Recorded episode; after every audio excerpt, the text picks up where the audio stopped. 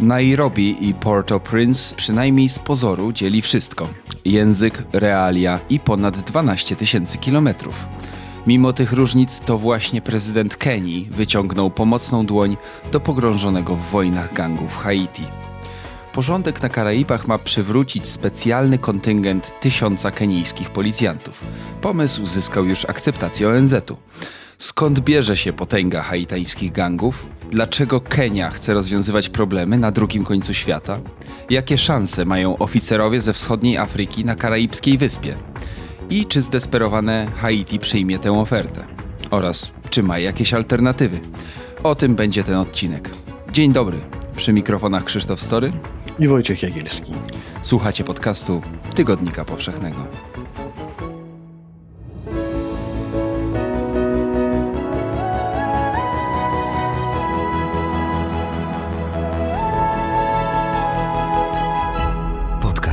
Tygodnika Powszechnego. Weź, słuchaj. Dziękujemy patronom i patronkom podcastu Tygodnika Powszechnego. Nagrywamy ten odcinek w Polsce w październiku, więc wycieczka na Karaiby może wydawać się dobrym pomysłem. Nie za bardzo, to czas huraganów akurat. Radziłbym przełożyć podróż. Dlatego powiedziałem wydawać się.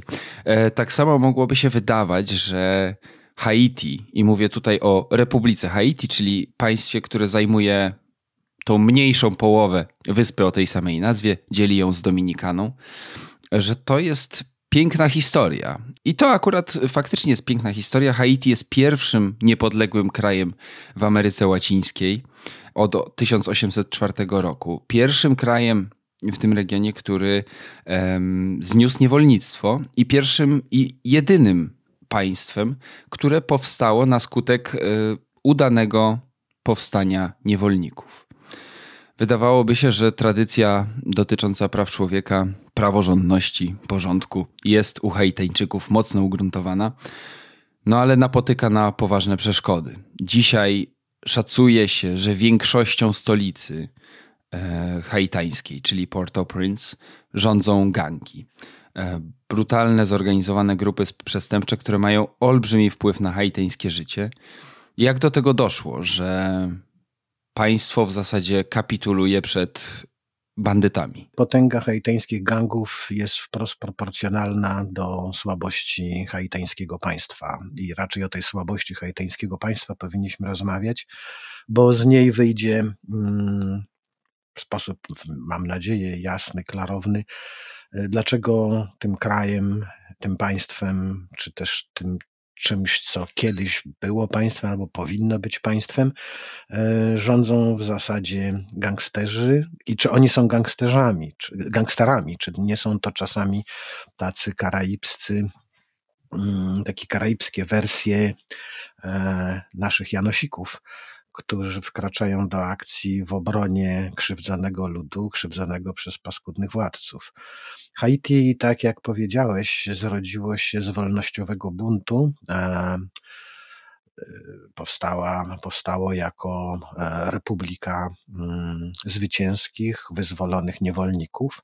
Natomiast za tę wolność Haiti od samego początku musiało płacić ogromną cenę i tą ceną nie była tylko, nie było tylko życie tych, którzy zginęli w walce o wolność, ale mm, nałożone na Haiti kontrybucje. Francja, bo Haiti było francuską kolonią, e, perłą Antylii, naj, naj, naj, naj, najcenniejszą, najbogatszą posiadłością kolonialną Francji w tej części świata e, w XVIII wieku e, przynajmniej. Mm, Francja e, kazała sobie płacić za mm, secesję i za wolność, którą niewolnicy odzyskali w wyniku tego powstania.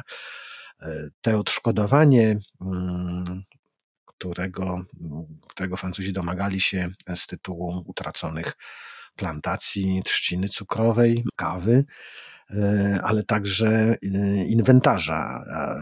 Tym inwentarzem, za ten inwentarz uważali niewolników, których stracili.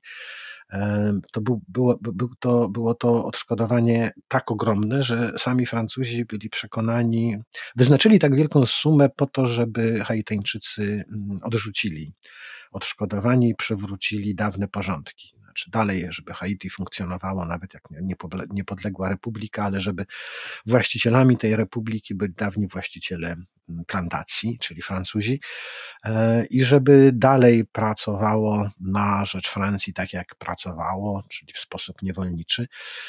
Natomiast Haitańczycy zgodzili się ku zdziwieniu Francuzów e, ten haracz płacić. I ten haracz, który Haiti spłacało e, do 1948 roku, a więc ponad 100 lat, to był pierwszy taki kamień młyński u szyi e, młodego państwa, tak ciężki i tak przeszkadzający w funkcjonowaniu, zwłaszcza na początku, kiedy dopiero się to państwo miało uczyć. E, samodzielnie istnieć, że y, tak na dobrą sprawę Haiti nigdy nie powstało albo powstawało od samego początku kalekie. Wszystko, co zarabiało, oddawało Francji mm, jako ten haracz. E, mogło się zbuntować, wydawałoby się, prawda, że dlaczego, dlaczego zgodzili się płacić taką cenę, dlaczego, dali na sobie narzucić taką, takie warunki wolności. E, no ale połowa XIX wieku, czy początek XIX wieku to troszeczkę inne czasy niż, e, niż dzisiejsze, czy, czy chociażby 100 lat później. Haiti było osamotnione. I obłożone sankcjami, taką izolacją, a świat był zdominowany przez metropolie, przez mocarstwa kolonialne, nie miałoby szans przetrwać. Skończyłoby się to jakąś e, zbrojną inwazją, jak nie Francji, to Hiszpanii, czy Wielkiej Brytanii, a wreszcie Stanów Zjednoczonych, które choć powstały i, i powstanie Stanów Zjednoczonych było inspiracją Podobnie jak e, Wielka Rewolucja Francuska dla, tych, dla tego niepodległościowego zrywu Haitańczyków, to Stany Zjednoczone okazały się wkrótce takim nowym, nowym mm, karbowym, nowym takim strażnikiem e, pilnującym, by Haiti niby wolne, ale zachowywało się tak, jak, e, jak przystało mm, na niewolnika.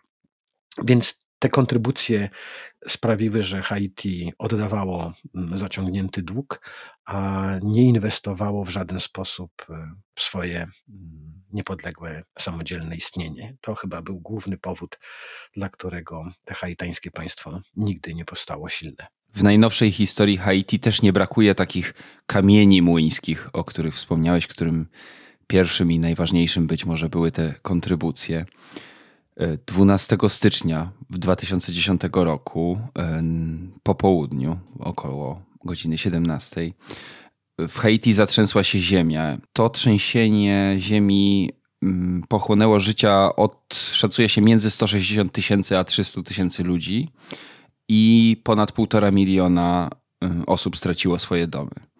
Trzęsienia ziemi na Haiti zdarzają się co kilka lat. To było oczywiście najbardziej tragiczne, natomiast ostatnie e, też bardzo, e, bardzo ciężkie było w 2021 roku. Czytając historię Haiti, ma się wrażenie, że to państwo ma po prostu pecha momentami. Bo jak nie katastrofa naturalna, to nieudolny władca. Jak nie nieudolny władca, to chciwa kolonialna metropolia. A przecież to jest jak sam powiedziałeś, ta perła Antyli. Tam się powinno wiele rzeczy udawać. Bardzo, bardzo, bardzo dawno mm, to już było, kiedy Haiti uchodziło za perłę Antyli i to Francuzi nazywali ją perłą, nazywali Haiti perłą Antyli, bo mm, pracowała ta perła na nich. E, sami mieszkańcy Haiti za perłę Antyli raczej nie mieli powodu, żeby się uważać, bo byli niewolnikami, a to niewolnictwo, ten system niewolniczy na Haiti wyróżniał się choćby na samych Karaibach e, szczególnym okrucieństwem, surowością e, niewolników e, na Barbadosie, Trinidadzie, Tobago czy innych karaibskich wyspach straszono, że jeżeli nie będą słuchać się swoich panów, nie będą zachowywać się jak należy, to zostaną sprzedani na Haiti i to już wystarczyło bardzo często tak, te wszystkie, czy to jest pech? E, trzęsienie do trzęsienia ziemi nie doszło tylko na części Hispanioli, czyli wyspy, którą Haiti dzieli z Dominikaną. E, ta wyspa zatrzęsła się cała, ale jednak nawet jeżeli epicentrum znajdowało się po stronie haitańskiej, to zniszczenia niemal e, wszelkie mm, były już też po stronie haitańskiej. Dominikana aż tak bardzo nie ucierpiała. Tak, położenie geograficzne na to żaden kraj, nikt nie sobie poradzić nie może, nie przeniesie się z jednej części świata w drugą, ale to, że w Haiti tak łatwo zostało zniszczone praktycznie wszystko, wziąłem się też z tego, że to Haiti było tak biednie, tak marnie zbudowane. Gdzie indziej domy budowane były porządniej, e, z uwzględnieniem jakichś norm budowlanych, e, ryzyka e, wynikającego i z trzęsień ziemi. Karaiby to też szlak corocznych wędrówek huraganów, też które potrafią być wyjątkowo niszczące. Gdzie indziej te zniszczenia są mniejsze, na Haiti zawsze jest to mm, jak dopust Boży, dlatego że całe Haiti Haiti e, powstało i, i istnieje do dziś jako, jako taki slums z dykty, z czegoś wyjątkowo nietrwałego, więc e, każde uderzenie e, jakiegokolwiek żywiołu wywołuje tam straty nieporównywalnie większe niż e, gdziekolwiek indziej. To zresztą nie tylko, nie tylko Haiti, Afganistan, e, w którym ilekroć dochodzi do trzęsień ziemi, zawsze one są bardziej brzemienne w skutki niż w innych częściach świata, czy Nepal. To wszystko też bierze się z tego, z ubóstwa e, i z zacofania tych krajów.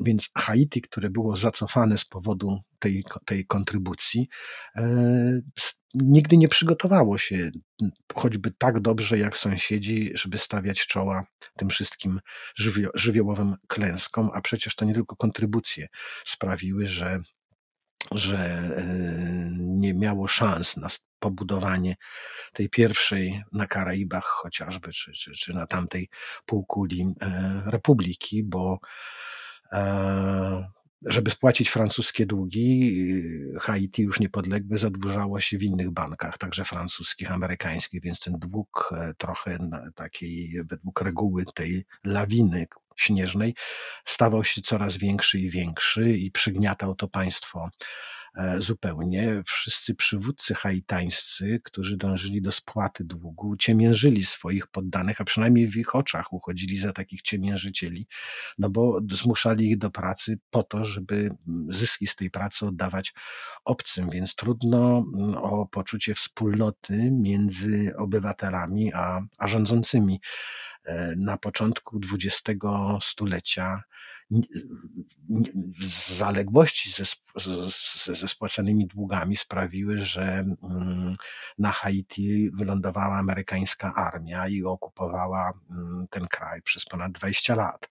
Później w czasach zimnej wojny Amerykanie, już strażnicy tamtej części świata i świata zachodniego, pożyczali pozwalali się zadłużać kolejnym haitańskim władcom, byle tylko starczało im pieniędzy i nie dopuszczali do tego, żeby na Haiti doszło do jakiejś lewicowej rewolucji w rodzaju kubańskiej, żeby Haiti zresztą podobne porządki Amerykanie wspierali wszędzie e, w Ameryce mm, Łacińskiej, e, byle tylko tam nie zapanowały porządki radzieckie, więc rządzili dyktatorzy.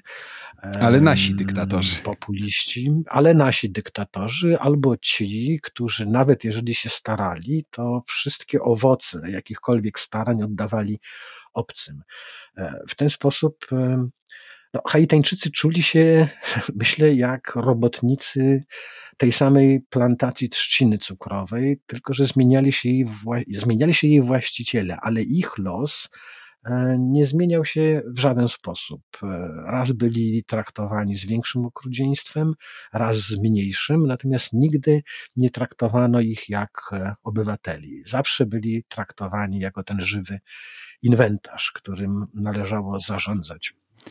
Wejdę ci w słowo, bo los Haitańczyków y, faktycznie nie uległ żadnej widocznej poprawie, y, przynajmniej nie przez działania dobroczyńców z zewnątrz, bo tam czy, czy Francja, czy Stany Zjednoczone losem zwykłych Haitańczyków nigdy się za bardzo nie przejmowały. Ale czy to, co widzimy dzisiaj na Haiti, w momencie, w którym niektórzy szacują, że 80% stolicy jest pod kontrolą gangów o takich nazwach jak Wielki Kieł, e, czy ta zorganizowana przestępczość e, ja czytam w raportach e, ONZ-u, że nawet ponad 200 tysięcy Haitańczyków z 11 milionów musiało uciekać ze swoich domów ze względu na, ten, na tą falę przemocy spowodowanej przez, przez gangi. Czy to jest coś nowego? Czy to jest coś, co powstało dopiero w ostatnich latach? Mm, w ostatnich latach może nie. Mm, nie jest to coś szczególnie nowego, natomiast forma, jaką to zjawisko politycznego gangsterstwa czy gangsteryzmu przybrało, jest rzeczywiście czymś nowym. Źródeł mm, działalności tych e, bojówek, gangów, doszukuje się w latach 50., kiedy Haiti rządziła dynastia Divalierów, ojca i syna. E, I ich gwardią przyboczną były zbrojne bojówki, Tonton Makut e, nazywano je. E, one terroryzowały kraj po to, żeby ojcu i synowi Divalierom rządziło się spokojnie, żeby nikt w tych rządach im nie przeszkadzał. Szacuje się, że z rąk Tonton Makut zginęło, mogło zginąć nawet 50-60 tysięcy Haitańczyków, bo oni rozprawiali się z każdym, który nie tylko sprzeciwiał się rządom Divalierów, ale który e, zbyt ostentacyjnie pokazywał, że te rządy są mu nie w smak, że, że coś, mu się, coś mu się nie podoba. Zresztą ta e,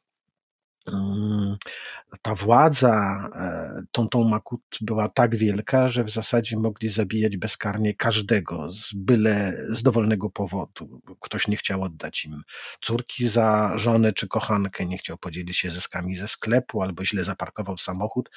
E, można było spokojnie kogoś takiego zastrzelić, będąc pewnym, że nie poniesie się żadnych konsekwencji. E, ten zwyczaj mm, posiadania bojówek, które miały chronić polityka, przywódcy politycznego, albo który z polityka, który tego przywódcy politycznego, który zmierzał dopiero do władzy, od Divalierów przejął e, człowiek, który przeciwko Divalierom najodważniej, najmężniej występował. Ksiądz e, Jean-Bertrand Aristide, bohater haitańskiej ulicy, e, który rzeczywiście wyjątkowo odważnie występował. Bohater przeciwko... do czasu, aż go obalono. Bohater do czasu, aż go wybrano na prezydenta. E, obalono go dlatego, że przestał być bohaterem, a wybrano go na prezydenta, ale zanim go wybrano na prezydenta, kiedy obalono e, upadł reżim Divalierów i wojsko przejęło władzę, haitańskie wojsko, e, pod naciskiem Zachodu, bo to była połowa, początek lat 90., czyli ten czas kiedy historia miała się skończyć i wszyscy mieli żyć długo i szczęśliwie, e, Amerykanie zmusili wojsko do mm, wycofania się i żeby, żeby, żeby pozwoliło przeprowadzić wybory. Aristide y, wciąż obawiający się o życie i, i, i o to, że to haitańskie wojsko, czy ludzie, którzy na Haiti mieli prawo nosić broń, tej broni używać, tak łatwo nie ustąpią, skrzyknął coś w rodzaju gwardii przybocznej, to byli, to byli ludzie z sąsiedztwa, z, tej same, z tych samych dzielnic biedoty. To nie byli gangsterzy jeszcze, ale którzy sięgali po przemoc, żeby bronić swoich i atakować przeciwników. E, głównie, żeby bronić swoich, bronić tego księżula, bo tak go nazywano, księżula Aristida, e, żeby mógł zostać wybrany na prezydenta i żeby tą prezydenturę mógł pełnić godnie i skutecznie. Aristid wygrał wybory, a te jego bojówki, czy te drużyny zbrojne, stały się taką nową wersją no, nie porównałbym ich z tą, tą Makut, ale to nie była to nie była policja haitańska, to nie były służby bezpieczeństwa haitańskie, to byli ludzie z sąsiedztwa, którzy w razie czego chwytali za maczety, za, za, za pistolety, by bronić swojego, swojego przywódcy. I chyba od tego czasu to zjawisko takiego, czy powiedzmy tego, tego, tego mariażu polityki i gangów i przestępczości zrodziło się na Haiti już na trwałe. Nie był to zresztą wynalazek wyłącznie haitański. Na nieodległej Jamajce politycy startując do wyborów, najpierw e, dogadywali się z gangami, z Kingston, e, Ochorios, e, no, tam gdzie, gdzie, gdzie potrzebowali mieć wsparcie, a te gangi zapewniały im później głosy, a potem się dzieliły razem z tymi politykami zyskami. To, to z czym dziś mamy do czynienia, to mm, na Haiti jest rzeczywiście czymś nowym o tyle, że dzisiaj gangi na Haiti dyktują politykom, co mają robić, a nie politycy zabiegają o życzliwość gangów po to, żeby mogli rządzić i dzielić się zyskami ze swoich rządów z tymi hersztami poszczególnych gangów. Zresztą nazwa tego gangu, e, jak powiedziałeś, e, z tym Wielki Kieł. Wielki to Kieł to znakomita nazwa dla partii politycznej w jakiejkolwiek części świata na dzisiejsze czasy. Oddaje wszystko w zasadzie, e, co może mm, jakakolwiek partia w swoim programie pisać. Jest i groźne, i, i odwet zapowiada, i sprawiedliwość. Po prostu doskonały, doskonały wynalazek. To pokazuje, bliskość tego, e, w jakim dziś na Haiti nie tylko znalazł się świat polityczny od, e, od tego przestępczego. Wiesz co, jak y, opowiadałeś o Aristidzie, o księżuli, to ja miałem takie wrażenie, że gdzieś na świecie jest w bibliotece schowany taki podręcznik, jak być bohaterem rewolucji po rewolucji, że oni wszyscy go czytają, i to, bo to są historie dokładnie tych samych upadków. Gdzieś pojawiają się jakieś bojówki, potem jak już przejmiesz władzę, to, to nie chcesz jej potem oddać, mówisz, że zorganizujesz wybory, że wszystko będzie dobrze, ale jakoś tych bojówek nie wycofujesz yy, i za chwilę stajesz się tym co przysięgałeś e, zniszczyć. Jeśli chodzi o haitańskie gangi, to mm, wspomnę tylko jedno wydarzenie, bo powiedziałeś, e, że to już nie politycy dyktują gangom, czy zabiegają o ich przychylność, tylko w drugą stronę.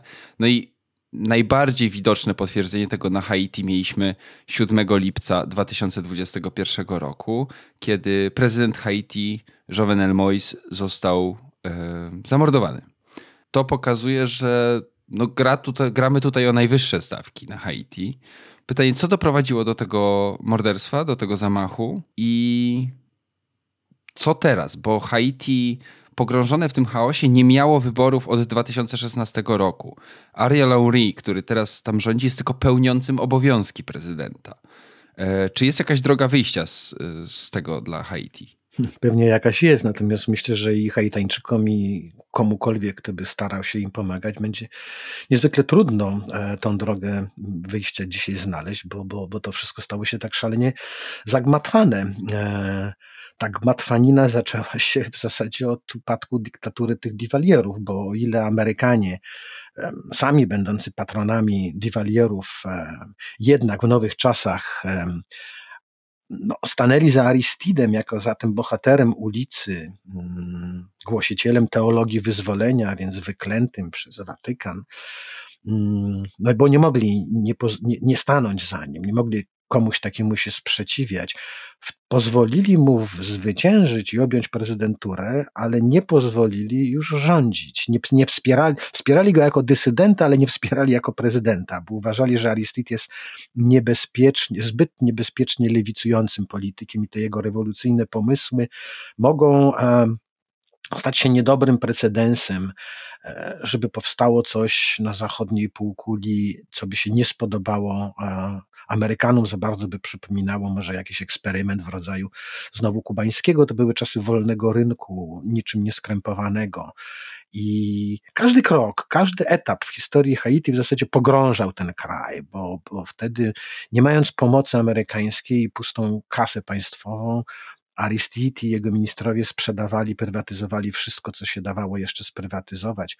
E, zadłużali się, nie mieli czasu, pospieszali, no starali się, stawali się też ludźmi niecierpliwymi, już nie znosili krytyki tak, jak e, oczekiwali, że e, ich będą, będą jak, że sami będą tolerowani w czasach, kiedy, kiedy, kiedy się sprzeciwiali e, dyktatorom, więc prezydent Juvenal Mois został zastrzelony wskutek czegoś, co przypomina po prostu gangsterskie porachunki. Nie oddał długu, nie zapłacił, a miał coś zapłacić w terminie, nie, nie wyświadczył jakiejś przysługi. Z tego co wiadomo, zastrzelili go gangsterzy przysłani przez któryś z kolumbijskich karteli narkotykowych. E, Haiti to także jest punkt przerzutowy y, narkotykowej kontrabandy z południowej Ameryki do Stanów Zjednoczonych, do Kanady. Coś tam musiało nie zadziałać. Jakaś umowa nie została dotrzymana, skoro narkotykowe gangi postanowiły, być może na zlecenie któregoś ze swoich partnerów haitańskich, zlikwidować prezydenta. Odstrzelono go tak, jak się zabija ludzi w, w jakichś filmach kryminalnych przed, przed własnym domem, więc nawet sama ochrona prezydenta nie poradziła. Jeżeli w ogóle go chroniła, nie na przykład wystawiła właśnie na odstrzał. To pokazało, to był ten taki moment. Zresztą mm, Moisa uważano już za przywódcę, który został wyniesiony do władzy dzięki, dzięki właśnie politym, politycznym gangom, albo po prostu przestępczym gangom, które wzięły się też za politykę. Bo w tym kraju, w którym nic nie działa, a wszystko, co powstawało, było niszczone przez kolejne klęski żywiołowe, a trzęsienie ziemi zniszczyło praktycznie caluteńkie Haiti, dosłownie i w przenośni, bo e, zawaliły się też urzędy państwowe, te najważniejsze, więc jakby samo państwo przestało funkcjonować. E, więc jedynym, jedynym, co przynosiło zyski w ostatnich latach w Haiti, no to była właśnie kontrabanda narkotykowa i pomoc humanitarna. E, pomoc, która została przemieniona w dochodowy biznes. To jest e, ironia losu, bo świat e, pełen współczucia, zwłaszcza po tym, 2000, po tym trzęsieniu ziemi, pospieszył Haiti z niesłychaną pomocą, szczodrą pomocą. Tam popłynęły miliardy dolarów. No ale e, żaden z szanujących się hersztów gangsterów na Haiti no, nie, nie mógłby się zachować inaczej, jak tylko spróbować dobrać się do tych pieniędzy, które cudzoziemcy z jakiegoś powodu, bez żadnych zobowiązań, postanowili słać na wyspę. Więc każde, wszystkie gangi rzuciły się, żeby tą pomoc rozkradać, tak jak to się tylko dało.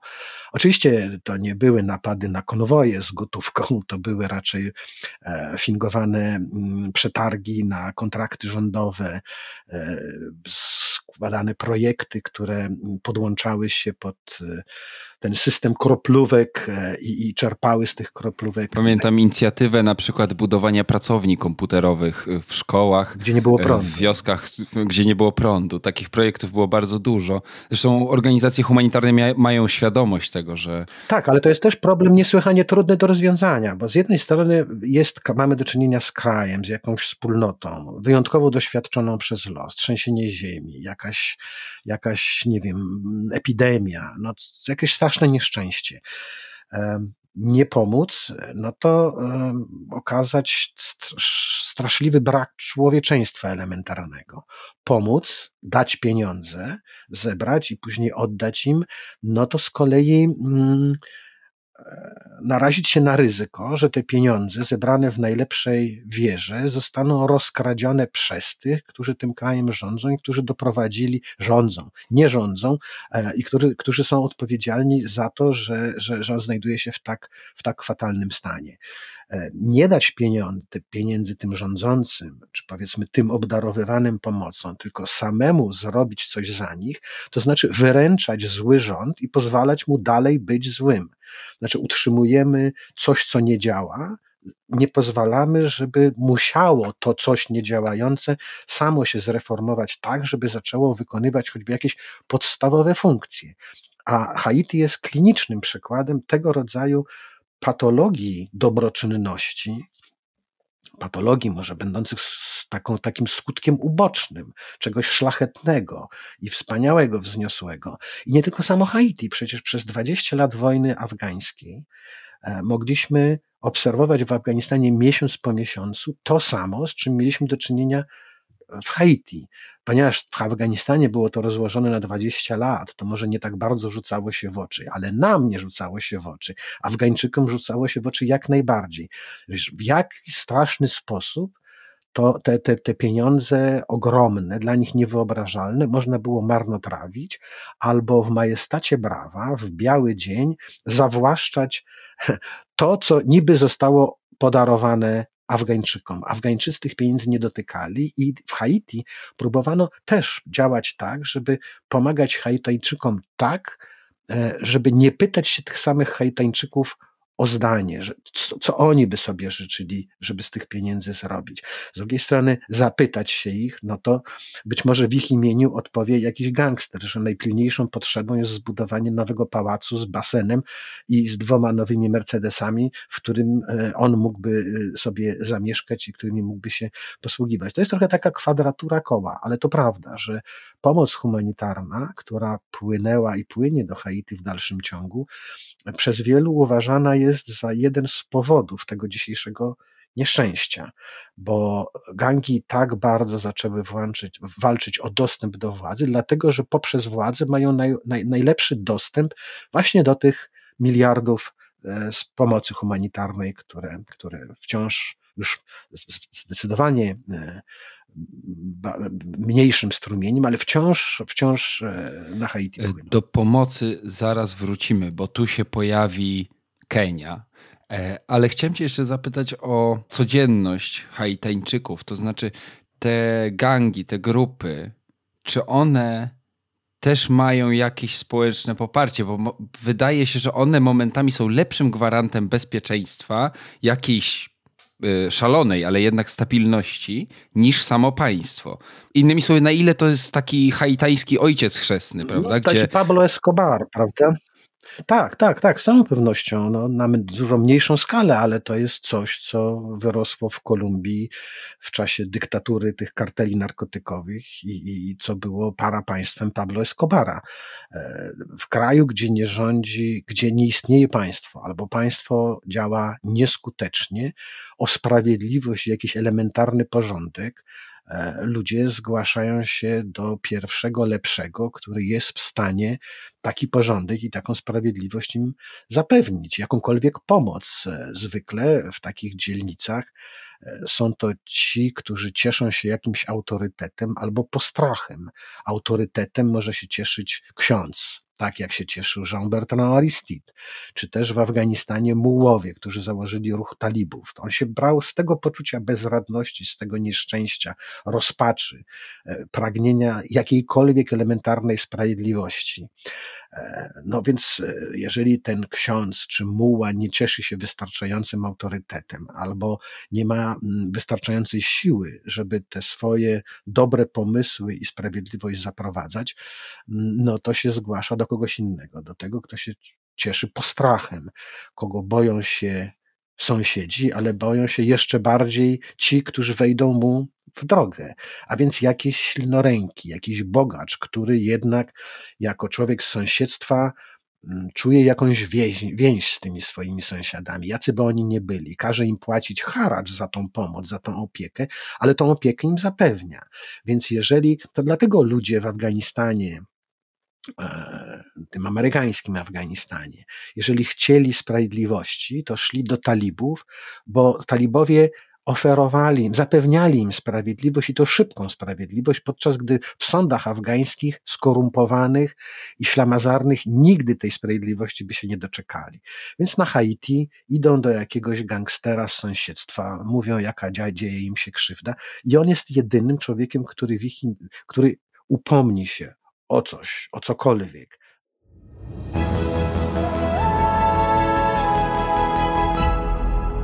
Podcast Tygodnika Powszechnego jest także na tygodnikpowszechny.pl, gdzie co tydzień znajdziesz nowe teksty nagradzanych dziennikarek i dziennikarzy. Coś krótszego do porannej kawy, a także coś inspirującego do naładowania baterii. Weź, czytaj i rośnij z nami bycie członkiem gangu dla wielu młodych z tych dzielnic biedoty jest jedyną alternatywą przed perspektywą emigracji do Stanów Zjednoczonych, bo z Haiti emigrują ludzie do Stanów Zjednoczonych masowo.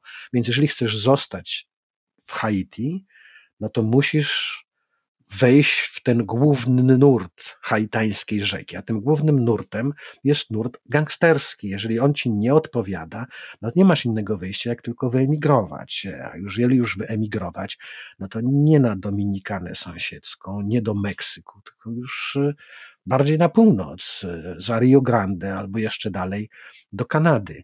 I właśnie to, ta, te, te niebezpieczeństwo tych masowych ucieczek, migracji z Haiti e, jest jednym z powodów, dla którego Amerykanie bardzo naciskali na to, żeby te rządy gangsterów w Port-au-Prince i na całym Haiti ukrócić, żeby mm, zrobić cokolwiek. Niewiele można było tak pospiesznie zrobić, ale Amerykanie wymyślili, że potrzebna jest jakaś międzynarodowa interwencja, najlepiej pod flagą ONZ, bo to najlepiej wygląda. Nikt nie zarzuci jakiejś znowu imperialnej inwazji, zwłaszcza po takich nieudanych wyprawach wojennych, jak Amerykanie zaliczyli w Afganistanie i, w Iraku, a w Haiti wciąż się pamięta Amerykanom te 20 lat okupacji i wsparcie dla, dla, dla taty i syna Divalieru, więc niezręcznie byłoby Amerykanom lądować na Haiti znowu dzisiaj samemu.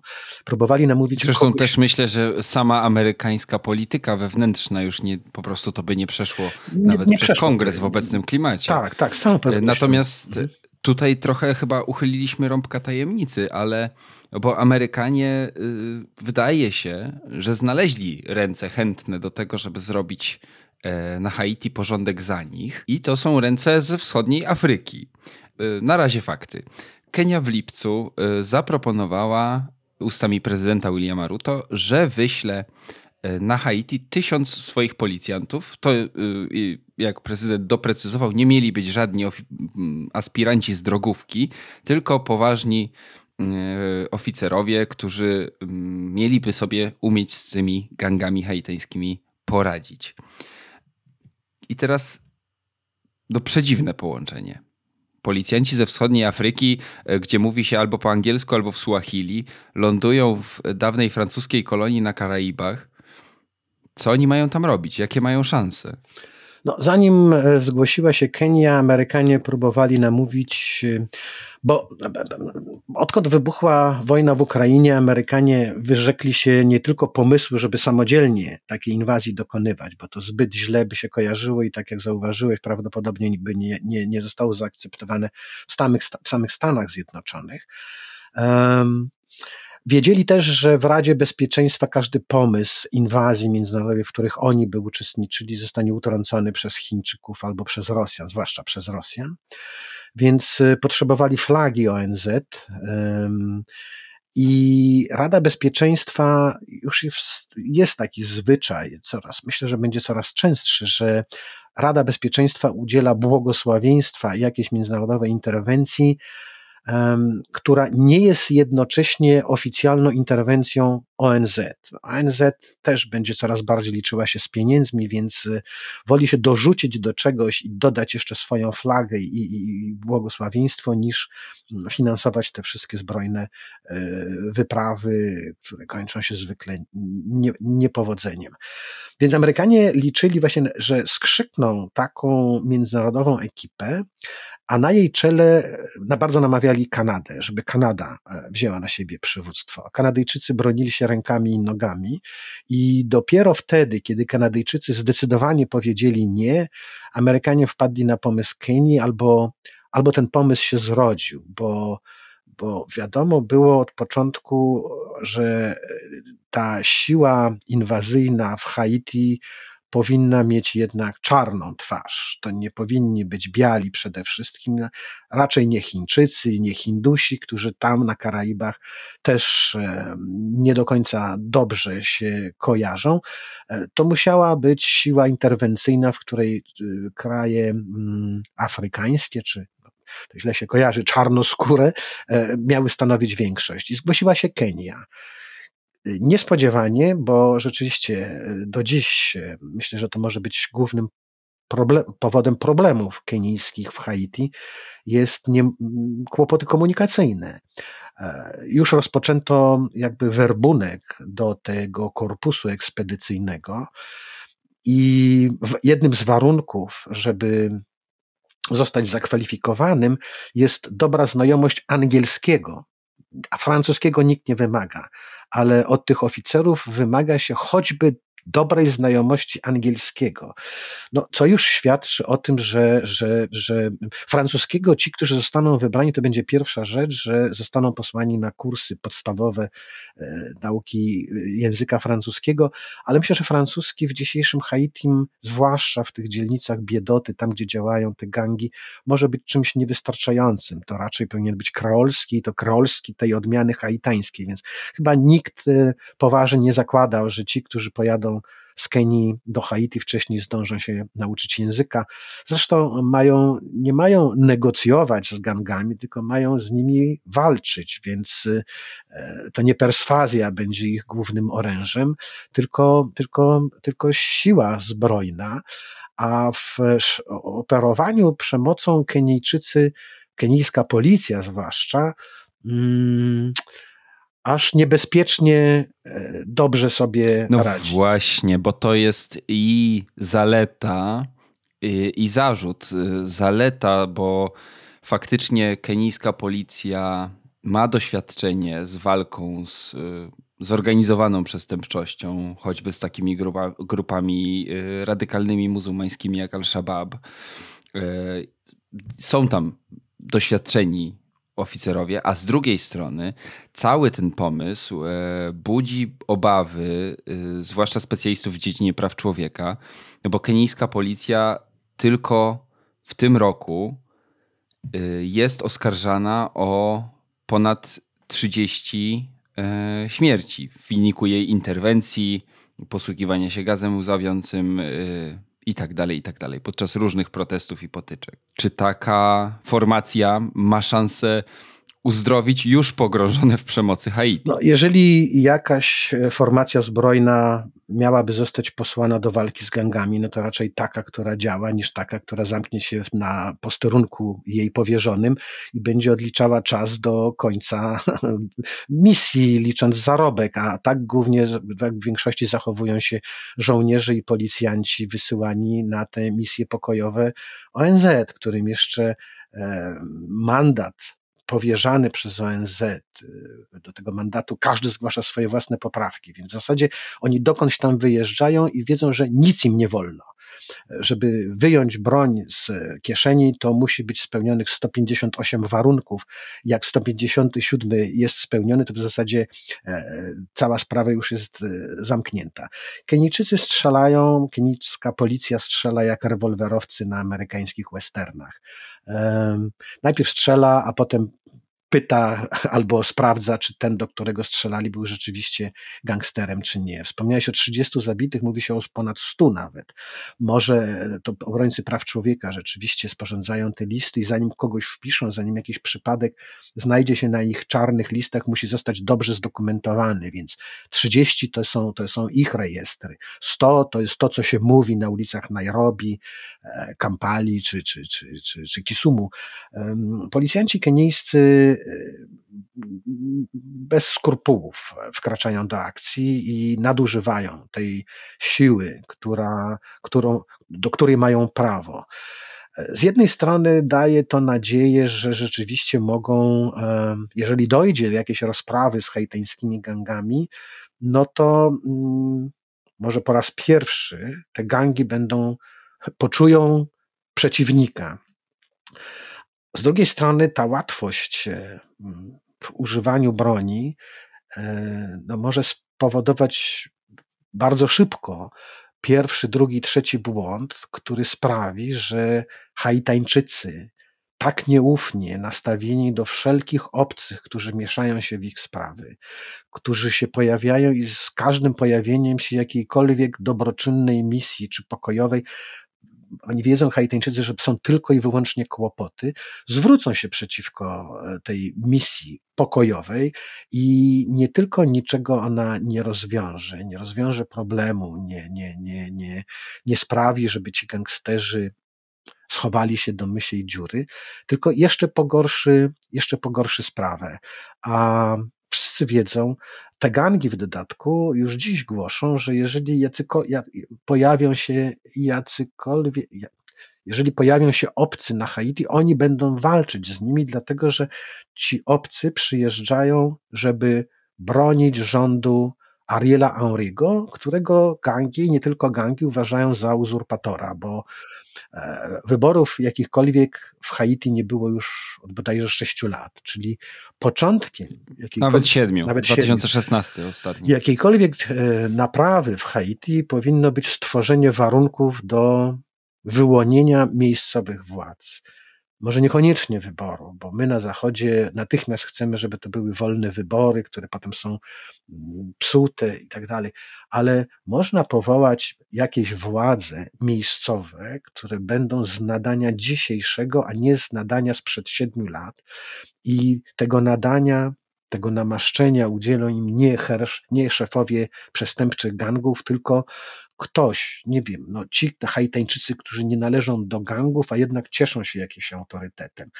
E, ta symbioza haitańskich gangów i elit politycznych, czy elit z Port-au-Prince jest rzeczywiście szalenie niebezpieczna i ten rząd wyłonić będzie tak samo trudno, jak przeprowadzić wybory. Ale jeżeli się tych wyborów i to nie muszą być wybory powszechne, jeżeli nie wyłoni się nowych władz, które będą cieszyły się jakąkolwiek wiarygodnością w Haiti, no to e, jakikolwiek porządek zaprowadzony przez obcych będzie tak samo zły albo gorszy niż ten porządek gangsterski, bo ten gangsterski jest przynajmniej lokalny, miejscowy. Zresztą sami Haitańczycy mówią, że są troszkę krzywdzeni przez obcych, także przez dziennikarzy, którzy przedstawiają ten kraj jako mm, no, e, jądro ciemności, gdzie strach wyjść na ulicę, bo natychmiast zostanie się zabity, pobity, okradziony, zgwałcony, e, gdzie tylko i wyłącznie się strzela. A podczas gdy Haitańczycy mówią, że jest u nich dużo mniej niespokojnie niż chociażby w takim Rio de Janeiro, czy, czy, czy, czy w wielu e, południowoafrykańskich metropoliach, żeby już nie szukać po świecie, że owszem, te gangi przejęły w sposób spektakularny haitańską politykę, zaczynały, zaczęły trawić haitańskie państwo, natomiast e, przemoc i zabici mają miejsce, dochodzi do tego wszystkiego wtedy, kiedy gangi między sobą walczą o strefy wpływów, o podział zysków, o dostęp do jednego czy drugiego źródła takich dochodów. To nie znaczy, że da się tam żyć, bo, bo to wszystko w połączeniu z takim zniszczeniem wciąż obecnym po tym trzęsieniu ziemi, no sprawia, że, że, że z Haiti ludzie raczej uciekają niż planują tam e, spędzić e, całe, całe, całe, całe swoje życie ale e, no. Jeżeli... Nie jest to Sin City, miasto, nie jest to miasto grzechu. Po e, prostu. No, nazywa się Cité de Soleil i nie jest to też miastem słońca. Słońca tak, dlatego że Haiti wyróżnia się spośród innych krajów świata także tym, że tam nie ma lasów. Zostały wycięte pod plantacje trzciny cukrowej, a potem e, z powodu biedy, bo haitańskie lasy zostały wycięte, poszły na opał, bo, bo, bo władze, kolejne rządy nie zapewniły choćby tak podstawowej potrzeby e, swoich, e, swoich obywateli. Więc jeżeli ta, ta, ta misja kenijska miałaby do tego wszystkiego się nie, przy, nie, nie, miałaby doprowadzić do wyłonienia takich władz i zaprowadzenia takiego nowego, elementarnego, ale miejscowego porządku, no to będzie kolejna piękna katastrofa, z którą Haiti się znów będzie samo musiało mierzyć, bo co kto później coś wymyśli, to już nie wiadomo. E, na niekorzyść tej nowej e, siły interwencyjnej działa też pamięć o poprzedniej, która wylądowała tam w jak najlepszej wierzę przecież, a spowodowała śmierć 10 tysięcy ludzi z powodu cholery, którą przywlekli żołnierze w błękitnych hełmach. Więc y, ci, którzy noszą te błękitne hełmy i ci, którzy, których Haitańczycy potrafią rozpoznać na ulicach, że oni nie są miejscowymi, raczej kojarzą im się z zagrożeniem niż z jakąś nadzieją na, na lepsze życie.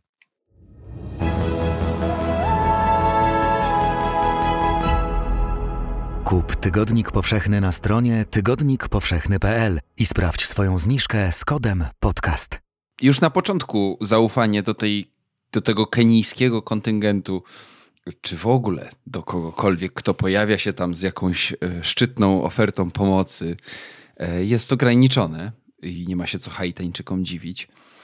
Ja mam pytanie o drugą stronę. Po co Kenia wysyła tysiąc swoich policjantów, być może najlepszych, być może dobrze wyszkolonych oficerów na drugi koniec świata? Co chce na tym zyskać?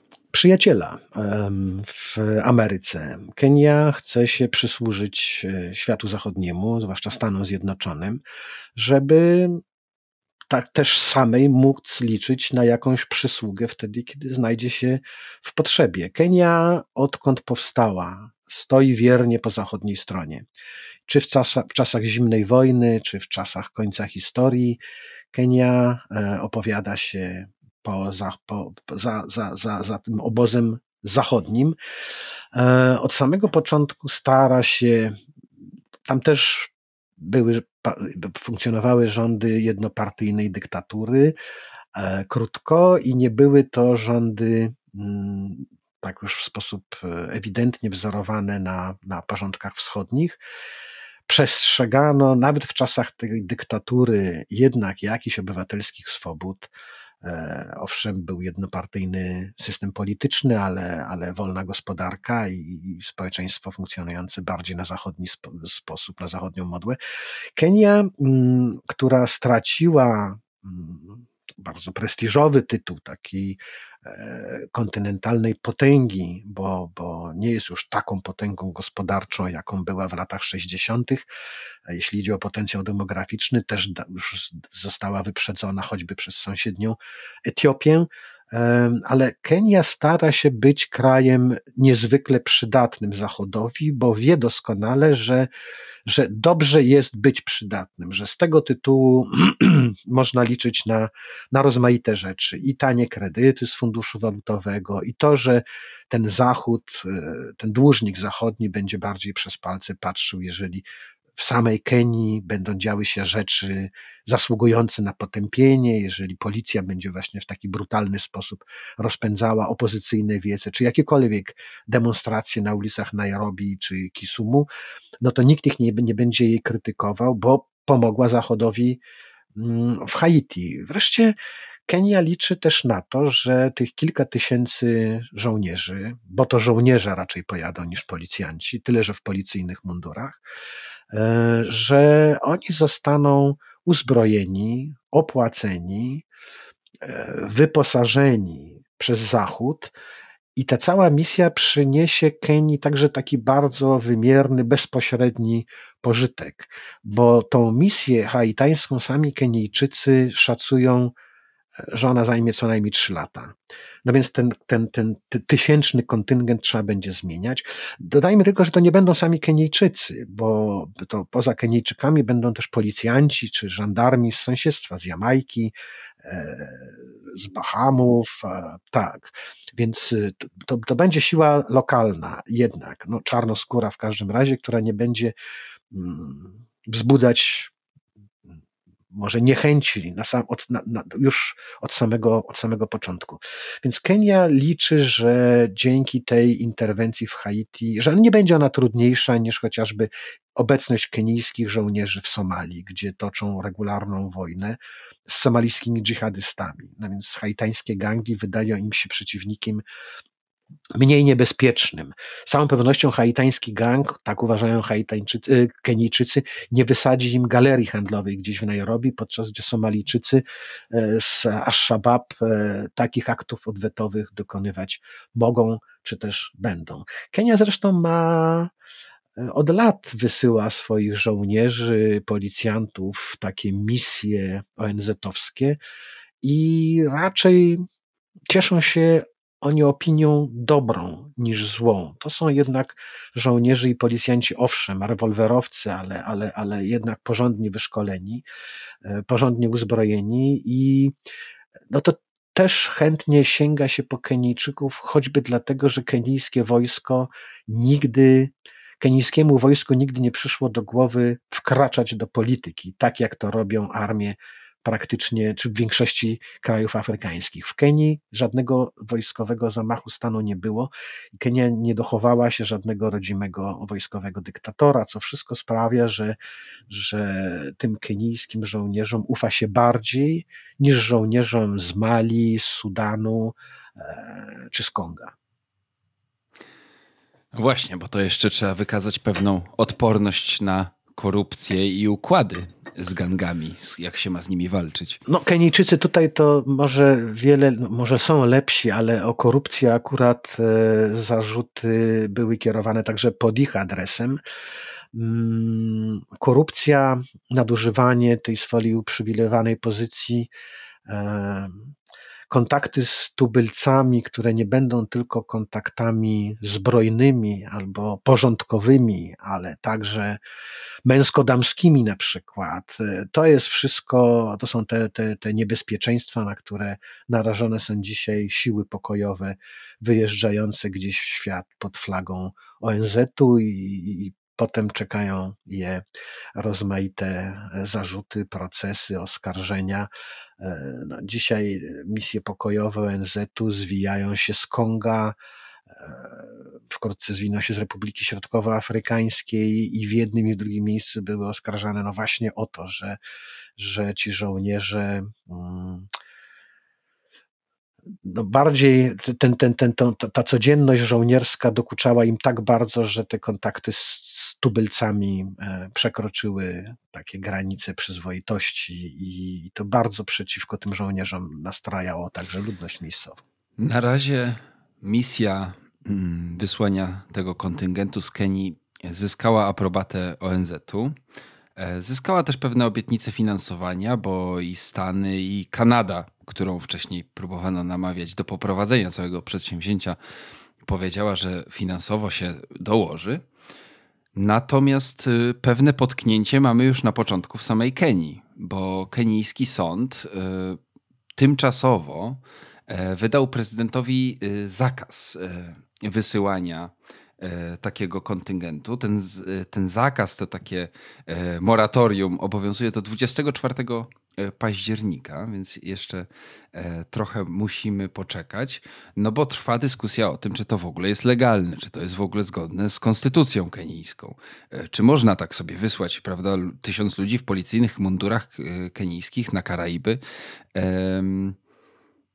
czyli w samej Kenii też pomysł napotyka spory opór. Czy myślisz, że to dojdzie do skutku, ta interwencja pod flagą kenijską?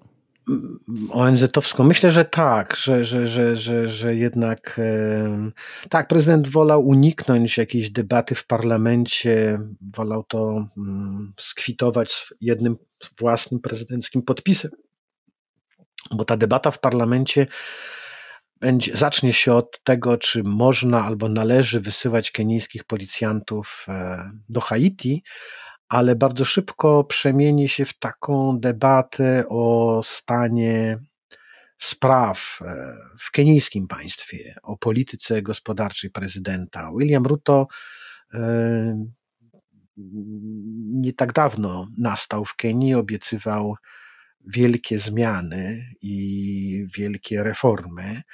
Zabrał się za nie odważnie, mm, zabrał się od, zabrał się za przede wszystkim likwidowanie dotacji do sztucznie utrzymywanych niskich cen na podstawowe mm, artykuły.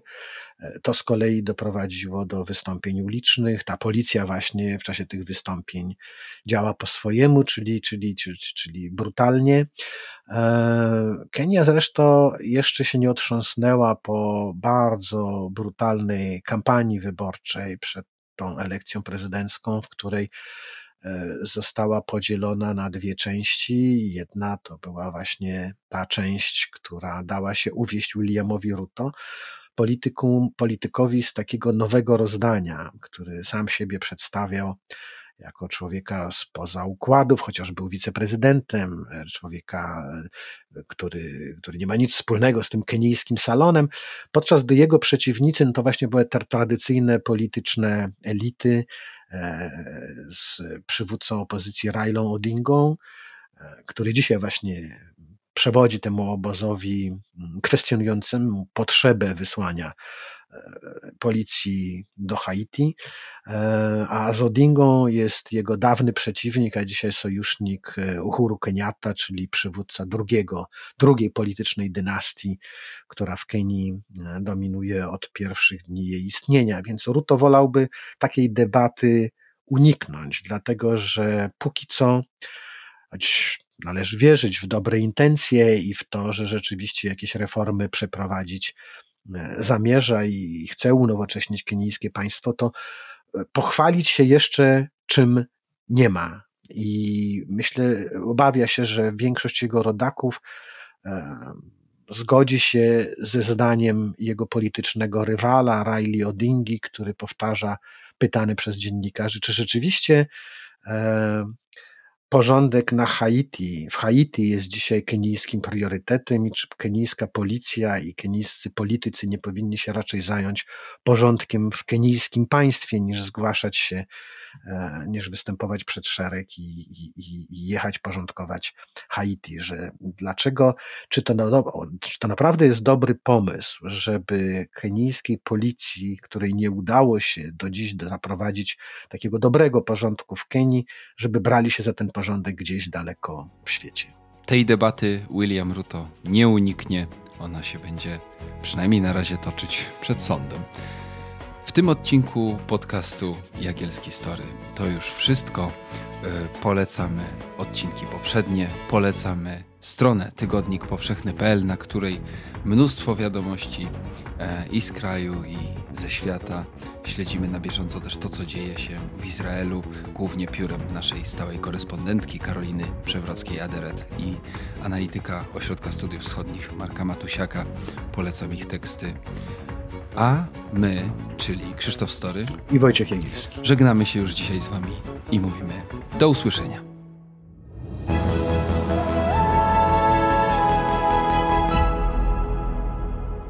Dziękujemy za wysłuchanie podcastu powszechnego. Teraz zapraszamy na www.tygodnikpowszechny.pl, gdzie znajdziesz więcej materiałów pisma niezależnego dzięki swoim czytelniczkom i czytelnikom. Weź, czytaj i rośnij z nami.